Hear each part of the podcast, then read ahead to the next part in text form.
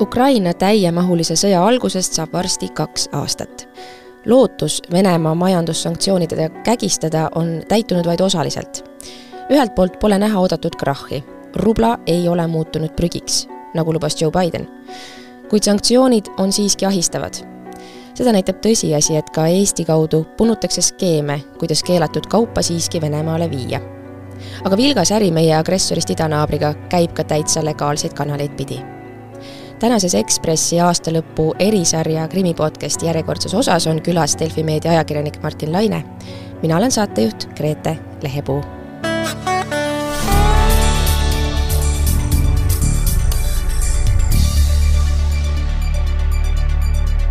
Martin, rõõm sind taas jälle Ekspressi podcastis tervitada. sul on olnud tõesti tegus aasta ja just täpselt äh, seesama kirjeldatud teema on pakkunud ikkagi väga palju tööd sulle, mulle tundub. Äh, ja, ja ma siiamaani tegelen sellega, et, äh, et ei oleks justkui vaja tegeleda, kui seda asja ei oleks, aga see paraku nagu on ja ei ole ära lõppenud. et, et algusest peale on olnud selge, kõigepealt oli siis võisime näha, kuidas äh, enne sanktsioone mitte äri ei vähenenud, vaid suurenes ehk plahvatas, eks inimesed hakkasid nagu massiliselt sanktsioonide ootuses nagu Venemaalt kaupa välja vedama.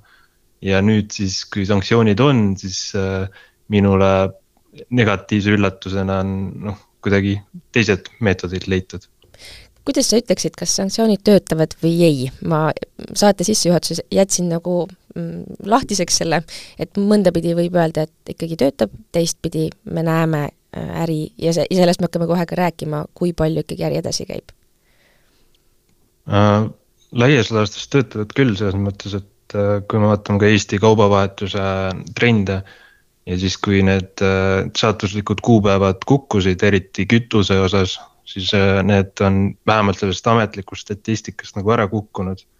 Aga minule teeb muret võib-olla Eesti, Eesti on sihuke väga väike näide, et selles mõttes, et sihuke globaalses mõttes mulle teeb ikka muret see, et kuidas äh,. kuidas need trendid on liikunud sellistesse huvitavatesse riikidesse nagu näiteks, ma ei tea, Singapur või Kesk-Aasia või Hiina või ja kuidas nagu siis on otsitud mingisugused äh, vahemaandamiskohad ja selles mõttes, et laias laastus võib see nagu äri tegelikult jätkuda. kindlasti mitte sellises mahus nagu, nagu enne. aga minu meelest, kui sanktsioonid on, siis nad võiksid ikkagi olla, olla nagu täielikud, et, et me võiks nagu kuidagi ikkagi saavutada selle tulemuse, mis me loodame saavutada ja kui me jätame mingid uksed lahti, siis me ei saavuta lihtsalt seda läheme siis ähm, võib-olla selle osa juurde, mis, mis kõlab kokku meie, meie podcasti suunitlusega ehk selle kriminaalse osaga. Äh, räägime kaupadest, mis on sanktsioonide all ja mida ei tohiks kuidagi üle meie riigi piiride liikuda ja see on karistatud, keelatud, ometi ta liigub. Äh, no kõigepealt võib-olla palun sul selgitada ära äh, mõiste kaheotstarbeline kaup või kahese kasutusega kaup ehk inglise keeles mõistega dual use Need on ähm, noh, arusaadavalt me võime, me saame aru, et sanktsioneeritud on, on otseselt viia igasuguseid relvi või relvaosasid või moona, aga äh, on selline jah, see dual use kaup on, ähm, on kaubaartikkel, äh, millega püütakse ka ikkagi mm, niimoodi sanktsioonide vahelt läbi libiseda. jaa, no see on selline kaup, et kui me näiteks avastame mingid äh, mürsujupid kuskilt Ukrainast, mis on Venemaa poolt nagu lendu saadetud.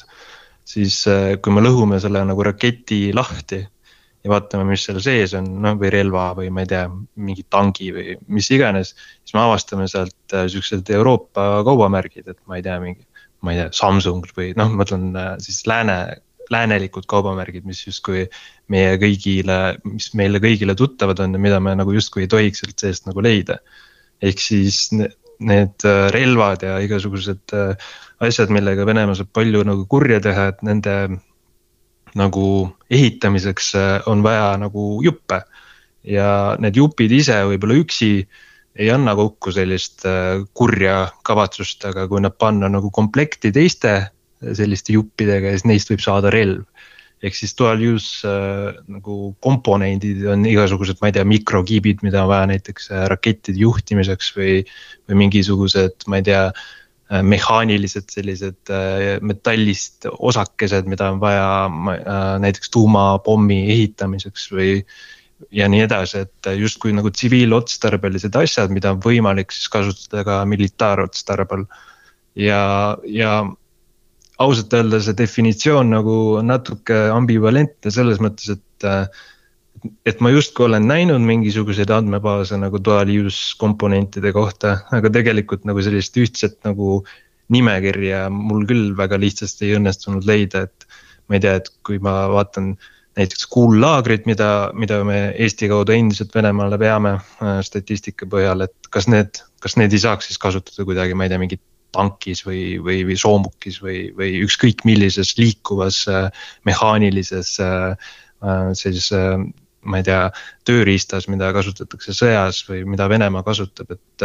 et tegelikult see mõiste on ka piisavalt nagu abstraktne, et, et, et tal ei ole nagu väga täpset tähendust aga, aga noh, mida, mis on need kriminaalasjad olnud, need on ikkagi sellised väga spetsiifilised äh, näiteks mikrokiibid või mingid, äh, mingisugused äh, tööriistad, millega on võimalik kedagi häkkida, no sellised asjad, mida kasutavad julgeolekuteenistused ja sõjavägi Venemaal, et ne, neil. Nad on isegi natuke nagu konkreetsemalt äh, olnud äh, kuidagi ilmselgemalt äh, sõjaväetööstuse nagu kasutuses. Räägimegi siis lähemalt ühest sinu äh, loo kangelasest, ähm, võib öelda vist, et on meie kaasmaalane, tema nimi on Andrei Ševljakov ja ja kohtu alla sattus ta tegelikult ähm, tänavu kevadel, äh, aga ütleme, USA julgeolekuteenistustele on ta tuttav juba kümme ja rohkem aastat, tõenäoliselt ka Eesti omadele. Ähm, kes see Andrei Ševljakov selline on? ja et see oligi huvitav selle juhtumi puhul, et kui see avalikuks tuli siis eelmisel aastal kevadel, siis äh, tegelikult äh, ei olnud see esimene kord, kui konkreetselt keegi ütles välja, et see Ševljakov töötab siis Venemaa luureteenistuse heaks äh,. täpsemalt äh, juhtus see siis äh, kaks tuhat kaksteist aastal, kui äh, USA sanktsioneeris sellise Eesti ettevõtte nagu Jaksart OÜ ja nimetas seda osaks siis Vene, rahvusvahelisest Venemaa spioonivõrgustikust. et päris, päris karm süüdistus selle kohta, et, et mitte midagi tundub, et vahepeal nagu ette ei võetud, et lasti siis sellel spioonivõrgustikul rahulikult tegutseda läbi Eesti. Äh, tundub, et ka Ševljakov ei kartnud väga äh, Eesti kaudu seda sama äri edasi ajamast, et et, selgubki siis, et nüüd sellest USA süüdistusdokumendist, et terve selle aja. noh, tõsi, ta alustas nagu uute ettevõtetega, pani neid ka oma sõprade nimele, et mingi teatav varjamistegevus seal oli, ega neid. Neid nagu tegelikult niimoodi reaalses elus temaga nagu ühendada ei olnud väga keeruline. Et see ikkagi äriregistri kaudu tuli väga lihtsalt välja, et tema nende ettevõtetega on seotud ja siis ta jätkaski siis USA-st äh, igasuguste selliste väga spetsiifiliste tehnikakomponentide tellimist äh, ja Venemaale siis toimetamist, et. et äh, noh, USA kirjeld-, täpselt nagu ei ütle, mis asi, mis asi, mis asjad need on, nagu ütleb, et need on kas radari komponendid või häkkimistarkvara või elektroonikaseadmed. no ehk siis jah, igasugune sihuke kõrgtasemeline sihuke mikrotehnoloogia, mida ta siis ähm, läbi dekaadi on siis Venemaale toimetanud ja ma saan aru, et siis ka tegelikult sõja ajal see tegevus äh, jätkus. ja, ja, ja USA-s siis tõi kaela süüdistuse, et mitte Eestis, vaid USA-s siis. kas me saame öelda, et Ševljakov on spioon uh,? Seda me, seda ei ole tegelikult ju see USA süüdistus nagu öelnud, et see. aga, aga, aga kui me vaatame üldse neid näiteid, et, et mil-, kuidas neid asju üldjuhul Venemaa teeb, siis. et läbivalt on see olnud nii ikkagi, et sellega tegeleb kas FSB või GRU. üks, üks kahest siis Venemaa peamisest julgeolekuteenistusest ja siis ongi nende nii-öelda agendid seavad mingisuguses Euroopa Liidus oma pisiäri püsti ja siis hakkavad mööda seda siis äh, justkui nagu Euroopa äri ajama, aga tegelikult äh, on seal taga spioonid, kes lihtsalt ostavad vajalikku komponente, mida on vaja siis julgeolekuteenistusel või Venemaa mm, kaitsejõududel. et äh, üldjuhul on need korraldatud jah, siis julgeolekuteenistuste poolt. Ähm, mis nagu, kuidas nimetada inimest, kes nagu sellise julgeolekuteenistuse jaoks töötab, et. Ähm, et ei pruugi isegi väga teadlikku otsust teha, et ta nüüd reedab nagu Isamaa, vaid, vaid ta tahab raha saada, tahab vahelt nagu tulu teenida, et kui ma ise kohtus kuulasin, mida see Blakov nagu ise selle äri kohta rääkis, siis ta justkui vähemalt avalikkuse selgitas ja võib-olla selgitas ka iseendale, et need ongi need nii-öelda dual use asjad, et kust tema teab, et mis nende asjadega nagu peale hakatakse, et tema ju ei pea tõestama, et kas, kas see ma ei tea, radari komponent läheb raketi külge või mitte, et. Äh, et teatav mingisugune võib-olla siis distants on võimalik tõesti niimoodi luua, aga no ma saan aru, et USA süüdistuse kohaselt ka noh, see tahtlus või see teadlik tegevus on ka päris oluline element selle, selle äri juures. kui palju ta teenib, teenis või kui, kui tulus äri see, see on? Jällegi see USA süüdistusdokument, eks ole, või kui inimesed üldse nagu kriminaalasjadest räägivad, siis äh, me peame nagu rääkima sellest, mida siis prokuratuur suudab tõendada. Ehk siis, kui ma vaatan neid summasid, mida siin nimetatakse, siis need summad ei olegi tegelikult väga tohutud, et äh, kõige suurema mm, äh, üks ettevõte näiteks kakssada kaheksakümmend tuhat dollarit kaupa viis, et äh, ja see oli kõige rohkem ja siis on sada tuhat, kakssada tuhat, sada kakskümmend tuhat.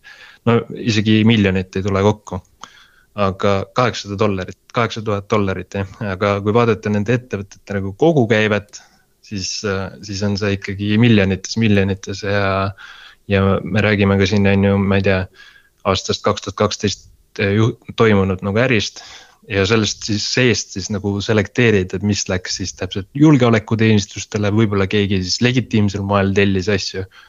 et eh, aga ikkagi sihuke noh, niimoodi miljonite kaupa aastate peale liigutades neid äh, äh, ei ole mingi probleem jah sa ütlesid, et, et ta oli kohtu all, käisid teda kohtus ka kuulamas ähm, ja seal kohtus tegelikult otsustati ju seda ka, et äh, kas ähm, anda see inimene USA-le välja või mitte, sest tegu on Eesti kodanikuga. Kuidas see lahenes, on, on see teada praegu mm,? minu teada otsustati ta välja saata, aga ma ei, isegi ei tea, kas ta on nüüdseks nagu see protsess on alati väga keeruline, see mõnikord tekitab vaidlusi, seda saab vaidlustada et ma, ma ei tea, kas see jõustunud nüüd on, et ma eeldan, et ta üritab seda nagu lõpuni välja vaidlustada ja see võib nagu aega võtta et tulles tagasi selle märksõna, see spioonivõrgustik juurde ja, ja mainisid sa tegelikult juba ka otsapidi, et, et on mingisugused riigid, mis nüüd eriti sanktsioonide kehtestamise järgselt on, on nagu väga tugevateks partneriteks saanud. ole hea, kirjelda natuke, mismoodi see võrgustik äh, töötab ja, ja mis rolli Eesti seal, seal ka mängib mm,? no kui sa pead silmas äh, näiteks Kesk-Aasiat, siis ju äh, on siin uudiseid ka olnud, et meie nagu kaubavahetus, äh, ma ei tea, Kõrgõzstani või Tadžikistani või Gruusia või Armeenia või selliste riikidega on siin sõja ajal nagu kümnekordistunud. Äh, minimaal, noh, see, see, ma vist võib-olla isegi alahindan siin praegu peast, et minu arust oli mõne riigi puhul see isegi nagu tuhandekordne vahe. et, äh, et on selgelt näha, kuidas just nende sanktsioneeritud kauba, kaupade nagu äh, siis kaubakoodid on liikunud Kesk-Aasiasse. ja kui me mõtleme, et kuidas nagu kaup äh, saab üldse liikuda, siis äh, noh, just maismaad pidi, sest Kesk-Aasia on, eks ole, maismaa. et siis see peab liikuma siit läbi Venemaa Kesk-Aasiasse ja pole mingi mure nagu see kaup siis kuskil Venemaal tegelikult nagu peatada ja, ja see kaup varem maha laadida, ehk siis äh, kauba, sanktsioneeritud kauba nagu Venemaale saamine, selle niimoodi, et sul on paberi peal kirjas, et see läheb Tadžikistani või Kasahstani või Kõrgõzstani. et see ei ole mingi nagu probleem ja me, me peame seda justkui lubama. ja noh, mul isiklikult ja väga paljudel spets-, ekspertidel on kuri kahtlus ja neid juhtumeid on ka ära tõendatud mingite, isegi mingite elektrooniliste sa saatjatega, et see kaup ei jõua kunagi sinna Kesk-Aasiasse, vaid ta juba seal Venemaal jääb seisma ja läheb kasutusse, et. et ühesõnaga see sanktsioonidega skeemitamine on väga ilmselge tegelikult sarnaseid tegelasi nagu Andrei Ševljakov on tegelikult tulnud välja ka teistes riikides. Ähm, üks juhtumitest, mida, mida ka oma loos kirjeldasid, oli ähm, Itaalias näiteks üks tegelane, kes ka äh, jäi vahele ja, ja läks kohtu alla, ähm, aga sellest äh, tegelikult ei, ja, ja neid inimesi on Eestis äh, jäänud veel vahele. kas siis on USA poolt näiteks tulnud Eestile palve, et pidada kinni inimene, kes kelle vastu on USA-l tõendeid, et ta tegeleb keelatud äritegevusega, aga tundub, et neid inimesi lihtsalt on nii palju, et need võrgustikud ja, ja see kõik ei, ei pruugigi olla tõesti, nagu sa mainisid, mingisugune suur nagu spioonivõrgustik, need, see on lihtsalt äh, väga läbi töötatud ja väga pikalt sisse töötatud äh, võrgustikud, kuidas ähm, sanktsioonidest mööda hiilida, äh, need on lihtsalt niivõrd laialdaselt olemas. mäletan ise juhtumit, ähm, kus siis ka tõesti oligi taaskord see sellise võrgustiku ähm, kinnipidamine USA-s ja, ja Euroopas ja kirjeldati, kuidas see ähm,, see liiklus ja see kaupade pakkimine, et noh, et USA-st ähm, loodi fiktiivne ettevõte, kellel ei ole sanktsioonidega midagi pistmist, kellel ei ole ka sanktsioneeritud inimestega midagi pistmist, ähm, kes siis äh, tellis mingisugusest USA ettevõttest näiteks äh, samu mikrokiipe või pooljuhte, pakkis need ümber, saatis hoopis Saksamaale, Saksamaa kaudu kuskile Araabia Ühendemiraatidesse ja lõpuks äh, Venemaale see ikkagi jõudis. et ähm, vaadates ja lugedes neid lugusid äh, ja mõeldes ka sellele, kuidas Ukraina sõja käigus suudetakse Hiinast venelastele droone müüa, et, et neid, neid kaubateid on nii palju et mul tekib ausalt öeldes jõuetuse tunne. ma ei tea, ma ei tea, kas, ähm, kuidas, kuidas sina selle infovälja sees olles, äh, on see mul adekvaatne tunne või, või saad sa mind lohutada uh,? Jaa, ma tunnen nagu Eesti turgu nagu paremini kui muid turge ja me peame siin arvestama koefitsiendiga osalt, et uh, me oleme üsna vaenulik äh, riik, on ju, Venemaa suhtes, aga ma ei tea, on Euroopas ka siukseid riike, mis nii vaenulikud võib-olla ei ole, ma ei tea, Ungari näiteks. et äh, või võite vaid ette kujutada, mis nagu nendes riikides toimub, et, et aga samas muidugi meil on siin ka sihuke, kuidas öelda, Vene lähedus ja Vene äri ajalooline suhe alati olemas olnud, et üks näide, mis veel meelde tuleb, on sihuke ettevõte nagu Elmec Trade OÜ mille kohta ka USA siis andis teada üks hetk, et et kuidas selle kaudu, kaudu liiguvad igasugused, ma ei tea, kiibid jälle Venemaale, mida saab kasutada siis erinevates relva, relvasüsteemides. ja ma hetkel tegelengi tegelikult siis Eesti ekspordi ja impordi Venemaa suunalise kajastamisega ja ma lugesin kokku, et Elmec Trade on kolmekümne kolme miljoni dollari eest äh, asju Venemaale täiesti segamatult äh, liigutanud, kaasa arvatud äh, pärast nimetatud, pärast seda, kui neid nimetati sellises äris osalejana.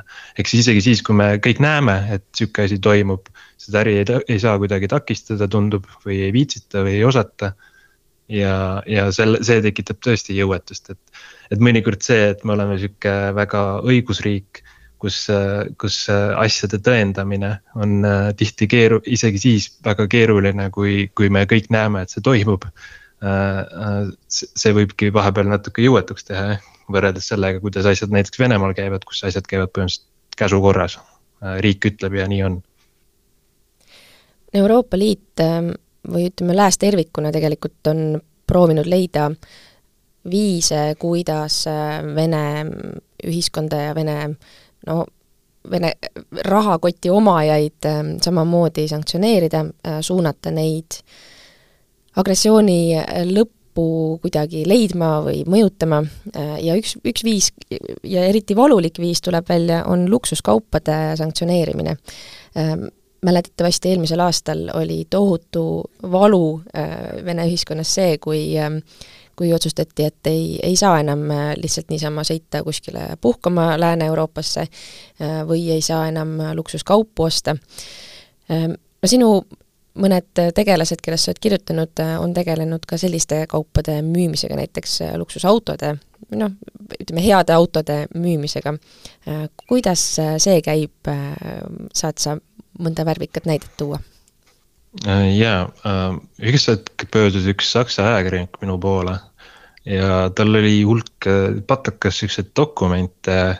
ma ei tea, kust ta need sai, need tundusid pärinevat ühe saksa automüüja isiklikust pilvest. võib-olla, ma ei tea, mul on kuri kahtlus, et kuidagi ukrainlased olid sinna sisse häkkinud või midagi. no igatahes need oli patakas dokumente ja need dokumendid näitasid, kuidas siis äh, käib äh, luksusautode müümine siis äh, Venemaale, hoolimata sellest, et üle viiekümne tuhande euroseid sõidukeid ei tohiks ega nende varuosasid ei tohiks nagu Venemaale jõuda. ja noh, seal oli peamiselt jutt varuosadest, aga, aga, aga oli ka näited, kus mingeid Porsche maastureid ja siukseid autosid viidi, viidi siis äh, just sellistele ettevõtetele ka, mis on nagu suht otseses seoses nagu riigiaparaadiga, ehk siis nagu hankelepingutes riigi, riigi erinevate, ma ei tea, riigipankadega või noh, ühesõnaga sihuke, sihuke kuri kahtlus, et see lähebki nagu Venemaa eliidile. ja ja seal olid nagu üsna konkreetsed lepingud olid äh, sõlmitud siis Eesti logistikafirma ja Saksa eraisiku vahel. kus olid äh, väga, noh, nad kasutasid väga erinevaid mooduseid äh,, äh, siukseid teekondi, aga üks teekond näiteks oli läbi Valgevene, et äh,. et viiakse nagu justkui Valgevenest sisse auto ja, aga tegelikult siis ta jõuab ikkagi Venemaale et äh, aga on kasutatud ka Kaliningradi, et ma isegi ei tea, kuidas, kuidas seda, noh, see on see siis äh, üks X-saareke, mis siin keset Euroopat Venemaal on.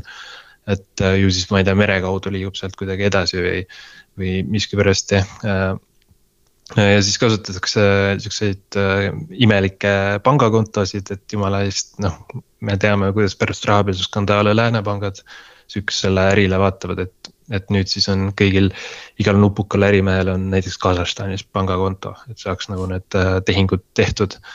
aga laias laastus jaa, selles mõttes, et need ei ole isegi nagu võltsitud dokumendid, lihtsalt nagu lihtlabaselt nagu näitavad, et jõuab Venemaale. aga ometi, kui ma läksin neid äh, tehinguid otsima, siis nagu andmebaasidest, millel mul on ligipääs, ehk siis Venemaa tollideklaratsioonidest, siis need, see kaup seal ei kajastunud.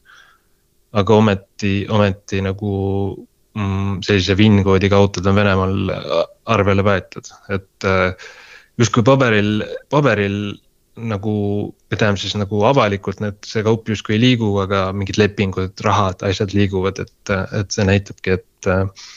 et ju siis see kaup saab ikkagi liikuda ja kui ma läksin neid Venemaa partnerite nagu veebilehti vaatama, mis seal oligi, oligi lihtsalt oli äh, koopia siis põhimõtteliselt Saksamaa siis müügiplatsi äh, veebilehest, kus kõik kuulutused olid identsed ühe Saksa müügi Äh, automüügi veebilehega, aga seda, neid autosid müüdi nagu Venemaal. ja seal oli mingi vahelt kasvu oli päris jõhker oli sisse kirjutatud, aga ometi oli nagu noh, sa said sirvida, said valida endale auto ja, ja osta endale auto, kui sa tahtsid, et järelikult siis on võimalik ja. ja noh, ja mul muidugi ma kirjutasin sellest juba päris ammu, aga mind, mind üllatab, et keegi nagu minult küsima ei tulnud pärast seda, et kuule, et sul on mingi patakas dokumente, mis näitavad, kuidas see äri käib. Et äkki, äkki näitad meile ka, et ma oleks hea meelega näidanud, ma ei tea, politseile või, või tolliametile. aga keegi nagu küsima ei tulnud, et selles mõttes natuke kurb ka. et kokku võtta siis äh, Saksamaalt äh, tuuakse autod või varuosad Eestisse ja siit liigutatakse näiteks Valgevenesse niimoodi, saan ma õigesti aru? E, ei, mitte Eestisse, vaid Eesti ettevõte on seal vahel mm. osapoolena ma ei tea isegi, miks see, miks see täpselt vajalik on, aga no ilmselt see Eesti, kuidas öelda, selle kuidas öelda, selle Eesti ettevõttel on siis kogemus äh, Venemaaga äri ajamisel ja Venemaale kauba liigutamisel. et see, see puhtalt selle kogemuse pärast on siin Eesti mängus, aga see kaup ise ei pea üldse liikuma sealtkaudu, kus on ettevõtted, et ja tihti ta ei liigugi. et ma sain aru, et sellel ettevõttel näiteks on ka Leedus äh, äh, ladu ja noh, Leedust saadki liigutada sujuvalt siis Valgevenesse. ja sealt Valgevenest ma eeldan, sa saad tegelikult selle kaubaga teha, mis sa ise, ise tahad. kui mõelda, et see on lihtsalt nagu üks kaubagrupp ja ühe firma näide, ähm, siis võib tegelikult ette kujutada, kuivõrd paljud me ei näe neid summasid, mis Venemaale jõuavad või see majanduselu, mis seal tegelikult ikkagi keeb ja elab ja õitseb kõigist äh, pingutustest hoolimata. Ähm, kui rääkida sanktsioonidest, ähm, siis tegelikult võib-olla võiks taustast natuke ka arutada, et, et USA-l äh, Venemaa suhtes on äh, sanktsioonid ja, ja Euroopal vist mingil määral ju ka, vähemalt kahe tuhande neljateistkümnendast aastast, et see nüüd täiemahulise sõjaga on asju nagu karmistatud ja ühtlustatud ja, ja suuremaks tehtud ähm, ja, ja karmimaks aetud. Ähm, ja siis on meil Euroopa Liidu oma ponnistused ja siis on veel äh, noh, näiteks Jaapan teinekord on ju, liitub nende samade, samade sanktsioonidega, millega meie liitlased Ehm, ja siis on meil ka siseriiklikud sanktsioonid eh,. Ehk siis ähm, tegelikult küsimus vist taandub sellele, et ähm, isegi kui Eesti tahaks keelata sellise logistikafirma, sellise vahendaja tegevuse, kas meil on selleks äh, jõudu, kas meil on selleks vahendeid äh, juriidiliselt? Tegelikult ma arvan, et kõike saab teha, kui tahta kui ja osata, et et ma ei pea siin tulema riigile ütlema, et kuidas te seda vormistate, aga, aga kui ma vaatan noh, mis on minu kogemus, ühesõnaga, kui ma olen Venemaa äri uurinud. vaatan, et mingi imelik kaubagrupp jõuab Venemaale, mis minu meelest nagu ei peaks jõudma, noh puhtalt minu tagumikutunde pealt ma ütleks, et see ei, selline asi ei peaks nagu Venemaale jõudma, sest see rikastab kas valesid inimesi või seda on võimalik kurjasti meie vastu ära kasutada. ja kui ma vaatan, kus see sanktsioneeritud on, siis ma tihti näen, et, et noh, ma mõtlen, kus, kus on see vastasosapool vähemalt sanktsioneeritud, see ettevõte või see, see siis nagu haru seal Venemaal, et äh, siis tihti ma näen, et Ukraina on ära sanktsioneerinud äh, põhimõtteliselt äh, kõik asjad, mis ma niimoodi näen, et Ukraina on sanktsioneerinud, sanktsioneerinud. Ja võib-olla Ukrainal on natuke isegi sellisest tavapärasest õigusest sellega üle astunud, et ta nii, nii laialt nagu neid sanktsioone tõmbab ja kui Euroopa Liit seda üritaks nagu, siis võib-olla saaks kohtus isegi peksa. aga laias laastus on Ukraina selle võru nagu ikkagi täiega äh, laiali tõmmanud. aga mis ma näen seal veel on tihti, et ma olen ka näinud, et Poola, Poolal on sanktsioonid, mida meil ei ole või mingid oligarhid on seal sanktsioneeritud, kes meil ei ole, eks Poola on ka käitunud niimoodi eraldi. ja mida ma ka tean, et, et gaas on sihuke oluline äh, üks olulisemaid tuluallikaid Venemaale jätkuvalt. ja see ei ole minu teada Euroopa Liidus sanktsioneeritud, vaid me otsustasime Eesti riigina ise selle siis sanktsioneerida. välja arval-, välja arvatud selline gaas nagu LPG, mis äh, siiamaani liigub väidetavalt see on siis vajalik meie toidutööstusele, sest muidu jääksime nälga, kui me seda Venemaalt ei ostaks, vähemalt nii väidab Alexela, kes seda endiselt Venemaalt toob äh, ehk siis äh, aga see näitab, et gaasi on, noh, me oleme sanktsioneerinud ka riigina äh, üksiktooteid. ja, aga mind jääb võib-olla see kõige rohkem nagu närvi alati, kui ma vaatan nagu just selliseid oligarhe, et, äh, et äh, hiljaaegu sattusin vaatama sellist, jälgima, otsima nagu sanktsioone sellise oligarhi ümber nagu Iskander Mahmudov, kes on äh, kes on noh, Vene, Vene maffia boss põhimõtteliselt või nagu kuidas öelda, sihuke Vene maffia rahaga läbivalt seotud oligarh, ehk üks nagu minu teada üks mustemaid oligarhe nagu üldse, ta on mingisugune, tal on mingid tööstusettevõtted kuskil Uuralis, ta on miljardär. tal on väga sihuke huvitav side ka Eesti päritolu Maksim Liksutoviga, kes on siis äh, äh, jah, Eestiski omab varasid äh, ja on äh, äh hetkel Peterburi abilinnapea äh, vist siiamaani. jah, ühesõnaga äh, Iskander Mahmudovil ei ole Euroopa Liidus ühtegi sanktsiooni, ma vaatasin. ja ma olin väga üllatunud, sest ma tõesti ei tea ühtegi nagu mustemat oligarhi. ja nüüd ma olen vähemalt vaadanud, et vähemalt viisteist oligarhi, keda ma olen kontrollinud, ei ole Euroopa Liidus sanktsioneeritud, samal ajal kui nad näiteks Ukrainas on äh, samal ajal kui nad Suur, Suurbritannias näiteks on või USA-s. ehk siis äh, Suurbritannia, USA ja Euroopa Liidu sanktsioonid on omavahel nagu ka täiesti, täiesti erinevad ja täiesti nagu mulle näib, et juhuslikult äh, rakendatud, et. et tegelikult sellist äh, süste-, süstemaatilist lähenemist äh, meil siin Euroopa Liidus nagu sanktsioonidele, sellist nagu mõtestatud lahend-, lahend-, lähenemist tegelikult ei ole, et äh, kui me meenutame ka seda juhtumit, mis oli siin enne seda, kus, äh, kus siis oli üks Eesti Paldiski sadamaga seotud ettevõte, mis liigutas kütusetooted, mis olid sanktsioneeritud. ta vahetas selle kaubakoodi teise kaubakoodi vastu välja ja enam ei olnud sanktsioneeritud, kaup oli sama, kaubakood oli erinev, enam ei ole sanktsioneeritud, täiesti loogiline.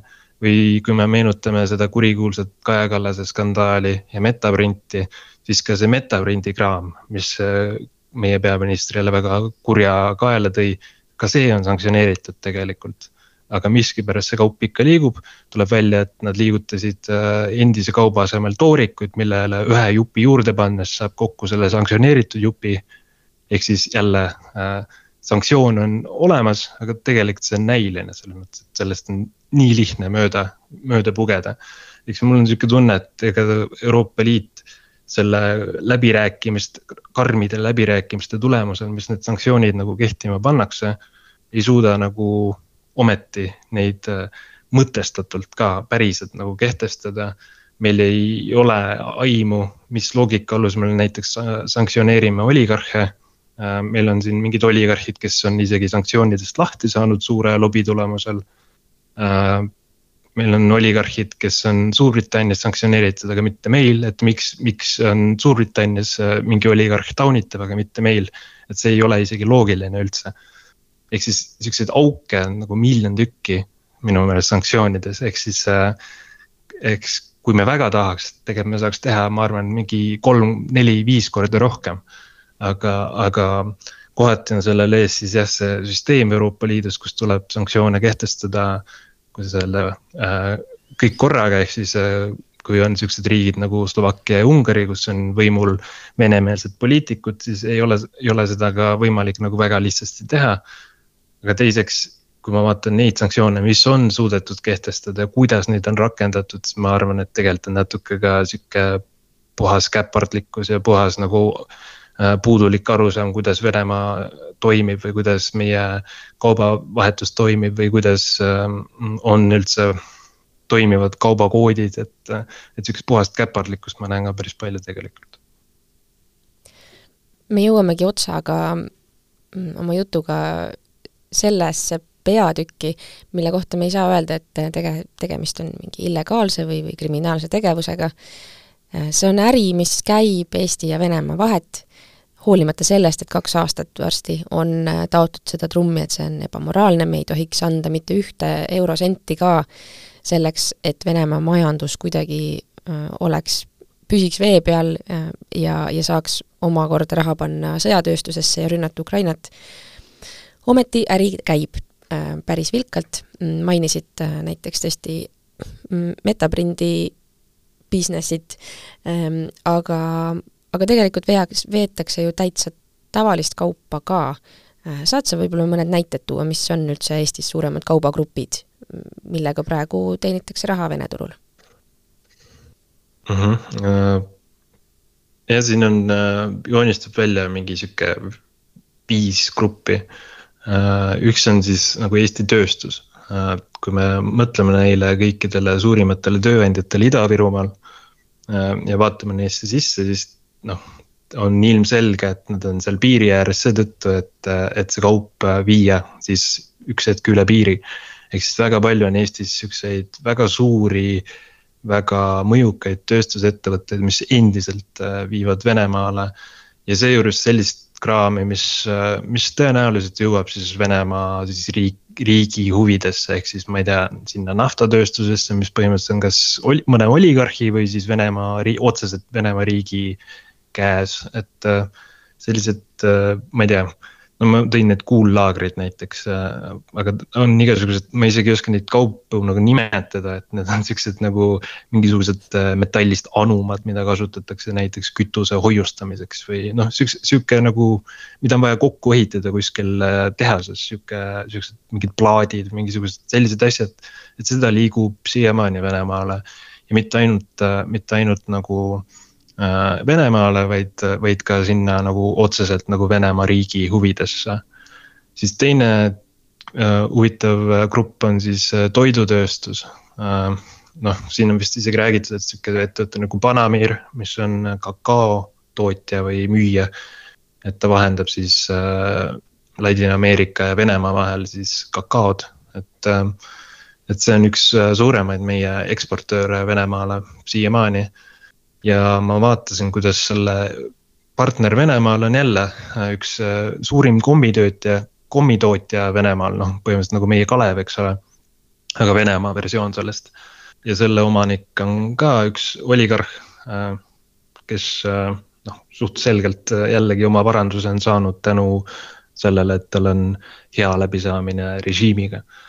et, et täiesti tavaline vahe, vahe, vahe, vahepeal ütlen ka, et on ju need näited ka, kus meie enda mingisugused, et kogu aeg ilmuvad meedias pildid, kus ma ei tea, Eesti pagari leib äh, venekeelsete kirjadega ilmub välja kuskil Venemaa poes. siis Eesti pagar annab kommentaari, et oi, et see on alatu laim, et me ei vii Venemaale. miks te siis neid kuradi äh, Venemaa kirjadega leibasid just teete, et äh, kuidas te saate olla imestunud, et sihuke kaup jõuab Venemaale noh, nad ise selgitasid, et see on mõeldud Saksamaa siis äh, vene kogukonnale. ehk siis on justkui nagu äh, Saksamaale venekeelseid äh, tooteid nagu vaja toota, et aga noh see on siis see nii-öelda paralleelimport, et isegi kui ettevõte oma südametunnistusest nagu just isikliku nagu sanktsiooni kehtestab. noh, seesama oli ka nende Porschedega, mis sealt, Porsche ei müü Venemaale aga kui tuleb mingi mees, kes ostab Porsche, Porsche käest Porsche ja viib selle Venemaale, siis on justkui nagu okei okay,, eks ole. et äh, see paralleelimport on ka sihuke asi, mis äh, Eestis ka on olemas, et äh, kõik need samad need Eesti tooted, mida ei tahaks üldse seal Venemaa toidupoes näha, et need jõuavad ikka sinna lihtsalt seetõttu, et, et kuidas öelda noh, ma arvan, et tegelikult need Eesti ettevõtted ja tootjad äh, aimavad seda, kui nad müüvad mingile, ma ei tea, edasimüüjale, vene nimega edasimüüjale, mingile suvalisele mingisugusele OÜ-le oma kaupa äh, nagu ikkagi suurtes-suurtes kogustes. aga, aga nad saavad aru ka, et nende käed on siis nagu puhtad, et nad ei pea küsima, et kas see kaup jõuab äkki Venemaale. et, et see, seda kohustust neil ei ole, seega sihuke asi toimib. Äh, minule üllatuseks äh, on üks suur valdkond, äh, millest ei ole just palju räägitud, äh, meditsiin.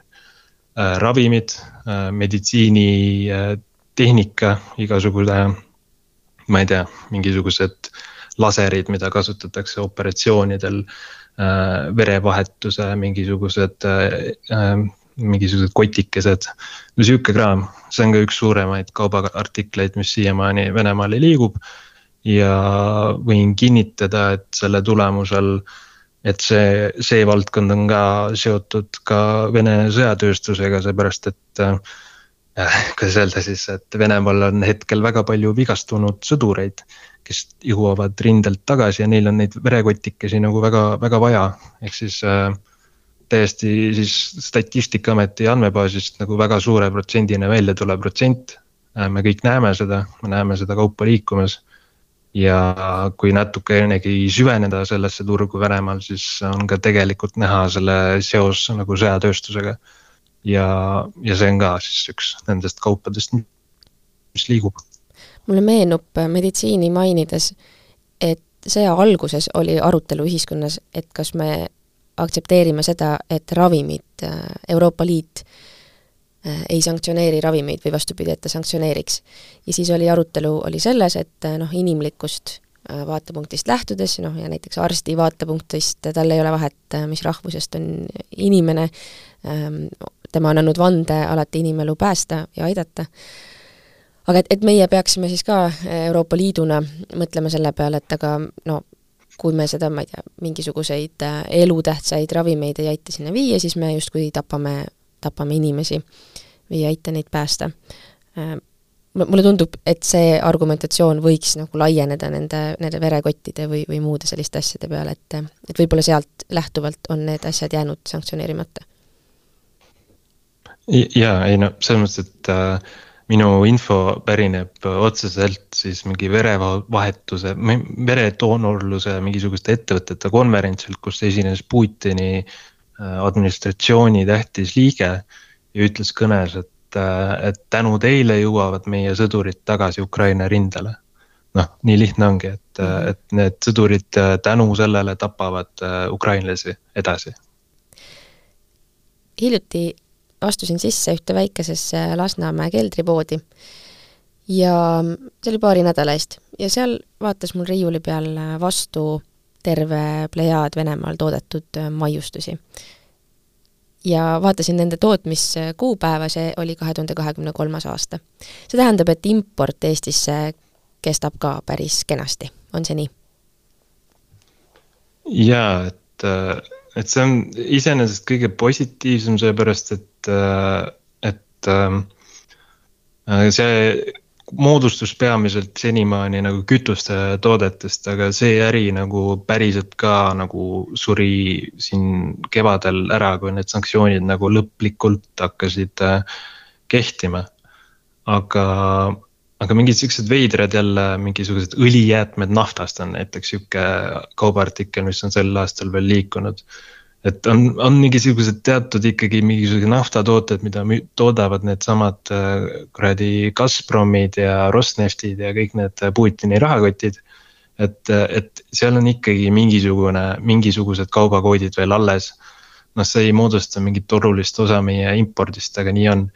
toidutööstus jälle, mingid pärmid, ma ei tea, ju siis tehakse meil leiba, leiba Vene pärmist endiselt ja siis on hästi palju mingisuguseid kemikaale, mingisugused äh,, ma ei tea äh,, mingisugused noh, kõige suurem kaubaartikkel on, kannab nime haruldaste muldmetallide üütriumi ja skandiumi või nende metallisegude anorgaanilised või orgaanilised ühendid.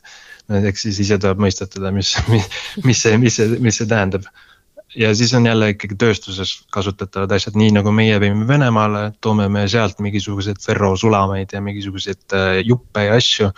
ja siis äh, ehitame neist asju, mida saab siis tagasi müüa ja siis nagu ma ei tea, nendega tanke ehitada näiteks miks, no ma tean, sina, ma tean, esiteks sa ei saa seda teha ja, ja teiseks äh, sul võib-olla ei ole ka vastust, aga noh, paratamatult siin tekib küsimus, miks ometi me ei pane lihtsalt seda piiri kinni kogu ärile ja kõik mm? -hmm. ma ise pakkusin ka sotsiaalmeedias välja, et, et kui me ei taha nagu kinni panna, et võiks siis nagu maksustada, et kui me otsime seda, ots-, noh, valitsus otsis siin seda mingi hetk seda auku, mis oli mingi kuussada miljonit või mida ta otsis, on ju et kui me vaatame seda Venemaa ärimahtu Eestiga, et see on mingisugune, ongi täpselt umbes seitsesada miljonit nii import-eksport. siis sealt kasvõi nagu kümme prossa võttes või kakskümmend prossa võttes saaks juba täitsa korraliku turgutuse meie rahakotile. siis muidugi ärimehed ütlevad, et see kohe nagu mm, rikub, kuidas öelda siis konkurents, on ju, siis liiguks see kaup äh, muud teed pidi kui Eesti kaudu mulle see muidugi väga sobiks, aga, aga, aga mingisuguse jälje see meie nagu majandusele nagu jätaks, et, et ma ei oska täpselt nagu protsenti öelda, aga see võib isegi nagu paar protsenti meie majandusest nagu olla. et, et ähm, ühesõnaga see nagu argument justkui on, et kui sa üksi seda teed, siis see kaup liigub ikka edasi, sa ei saavuta sellega mingit kasu, aga sa lõikad iseendale nagu jalga. noh, ja siis sedasama argumenti siis kasutavad need ärimehed iga selle kaubaartikli lõikes, no see, seesama, mis ma Alexela kohta ütlesin. et, et miks nemad seda LPG gaasi Gazpromilt ikka ostavad. et kui nad seda ei tee, siis teevad seda teised, kes täidavad selle nii-öelda vajaduse, ehk siis see on sihuke nagu mm, äh, ma ei tea, sotsiaalteadustes on sihuke äh, mõiste nagu äh, vangi dilemma või, et kui noh et sa võid ise nagu eetiliselt käituda, aga sa pead siis nagu seda tehes arvestama võimalusega, et teised ei käitu eetiliselt. ja siis sa võid selle, seeläbi saada ise suurema kahju. ja, ja kui kõik niimoodi mõtlevad, eks ole, äh, siis, äh, siis ei, ei toimugi nagu muutusi või otsustusi. ja hetkel nagu niimoodi kõik nagu mõtlevad ja siis me nagu kuidagi äh, aktsepteerime seda ja mis minu isiklik tunnetus on ka see, et me, mida see aeg edasi, seda vähem me oleme hakkama, hakanud taunima seda Venemaa äri, et äh, mäletan, kui sõja, sõda sai alguse, siis iga üksik juhtum, kus äh, selgus, et keegi ajab endiselt äh, Venemaaga äri, muutus nagu täielikuks skandaaliks. aga nüüd kuidagi nagu need sellised teated nagu upuvad kuhugi ära. küsisin hiljaaegu Eesti investoritelt nagu sellised tuntud investorid, kes käivad mööda, mööda, ma ei tea, neid festivale õpetavad mm -hmm. jah, et kuidas, kuidas investeerida. et miks te Silvanasse investeerite, et see ajab endiselt Venemaal äri. Te võite ju öelda, et ah, mis see naiste pesu siis ära teeb, et ega Putin ei osta naiste pesu, eks ole. aga see ju toodab maksuraha Venemaale, et selles mõttes, et et, et üle ühe astme võiks ikka mõelda, et mida see nagu investeeringu abil nagu, mis see sünnib, et. aga, aga see, needsamad investorid ei ole oma positsioone muutnud minu etteheidetest. mäletan Jaak Roosaarega vaidlesin Twitteris just seetõttu, et, et ütleb, et ta tasakaalustab seda investeerides Rheinmetalli, mis ehitab siis ma ei tea, vajalikku relvastust Ukrainale et ma ei tea, minu meelest ei saa niimoodi tasakaalustada seda, et ühe, ühe käega oled värdjas ja teise käega oled hea inimene, siis kui kokku annab nagu nulli, et. ma ei tea, minu meelest see nii ei käi, aga, aga noh, selles mõttes, et kui seal see ühiskonna pahameel eh,, kui seal on need astmed nagu nii palju vahel. et see ühiskonna pahameel ei ole nagu nii valus sulle eh, investorina eriti. noh, sa ei saa sellest tegelikult kahju, on ju, piisavalt, et eh, meie ühiskonnas ei saa sellistest otsustest kahju, noh, needsamad metabrändid, needsamad krimelted, asjad, et neil on nii spetsiifiline äri, et ühiskonnal ei ole ka midagi võimalik nende vastu nagu ette võtta. ehk siis, ehk siis selline, selline sihuke kuulikindel olukord on tegelikult praegu siiamaani nagu Venemaal eritsejatel piltlikult öeldes oleks vaja veel kahte peaministri abikaasat kes väga suurtesse pahandustesse satuks, et tundub, et siis, kui on oma mah-, nahk mängus, võib-olla see teema vähemalt on väga tuliselt ühiskonnas üleval. aga tõesti, kui tagasi mõelda siis, siis see ootus, mis võib-olla oli, et, et tõesti ka poliitikud ise või noh, Kaja Kallas eestvedajana võtab selle teema käsitlusele ja ka näitab moraalselt seda, seda eeskuju ja, ja riigijuhina mm, kuidagi aitab siis ütleme ka ettevõtetel teha selle valiku, äh, pannes mingisuguseid piiranguid peale, et seda ei tulnud. kahjuks see võimalus jäi kasutamata. see, see, seesama skandaal ju tegelikult mängib siin ka minu meelest nagu selget rolli. et äh, pärast seda skandaali saavad ju ettevõtjad alati näpuga näidata, et näed, peaminister tegi ka hoolimata sellest, et kas peaminister siis, kas see investeering, mis ta sinna äh, siis äh, kuhugi tegi, eks ole. kas see siis otseselt mängis selles rolli või mitte, aga see, millisel viisil nagu Kaja Kallas seda skandaali lahendas ju tegelikult läbivalt normaliseeris ka seda äri, et seal oli argumentatsioonis kasutusel ikkagi ka need, see ei ole äri Venemaaga äh,. sest äh, lepingud ei ole ju Venemaa ettevõttega sõlmitud, eks ole mis siis, et kaup nagu selle tulemusel Venemaale jõuab. et see kõik ju normaliseeris nagu seda, kuidas öelda, Venemaaga äri ajamist ja võttis ära selle, et seda sellist äh, laskemoona siis ja siis need teised inimesed nagu saavad alati näpuga näidata, et näed, siin sihuke asi oli. ja Kaja Kallas jäi selle hoolimata, sellest hoolimata nagu ametisse järelikult ei ole piisavalt suur probleem, et kui tema tohib, siis meie tohime ka see ei ole õige, aga, aga paratamatult nagu sihuke reaktsioon nagu ju tekkis. me võiksime siin jaurata sel teemal ilmselt ja sina eriti äh, veel tunde ja tunde, äh, aga äh, laseme võib-olla kuulajad aastavahetusse ja teistpidi jätame siis õhku midagi selle uueks aastaks, kui loodetavasti siis su sulest ilmub sel teemal veel lugusid. nagu otsapidi mainisid, et, et töö käib ja, ja üht-teist on oodata. jep olgu, tänud et tulid Ekspressi podcasti, loodame, kohtume järgmine aasta ka, jõudu sulle tööle. mina tänan ka kuulajaid ja kes veel ei ole jõudnud, soovin ots-, soovitan teil otsida üles ka meie väikse krimiseeria kaksteist osa, ühes neist räägib Mattias Kalev Aseri grupeeringu tõusust ja langusest ja teises räägime sellisest asjast nagu Via Narcotica, ehk siis kuidas Tallinna ja Pärnu maantee õigemini Tallinna-Ikla maanteed mööda järjest rohkem veetakse Eestis narkootikume. kõike head teile, äh, head kuulamist ja kuulmiseni!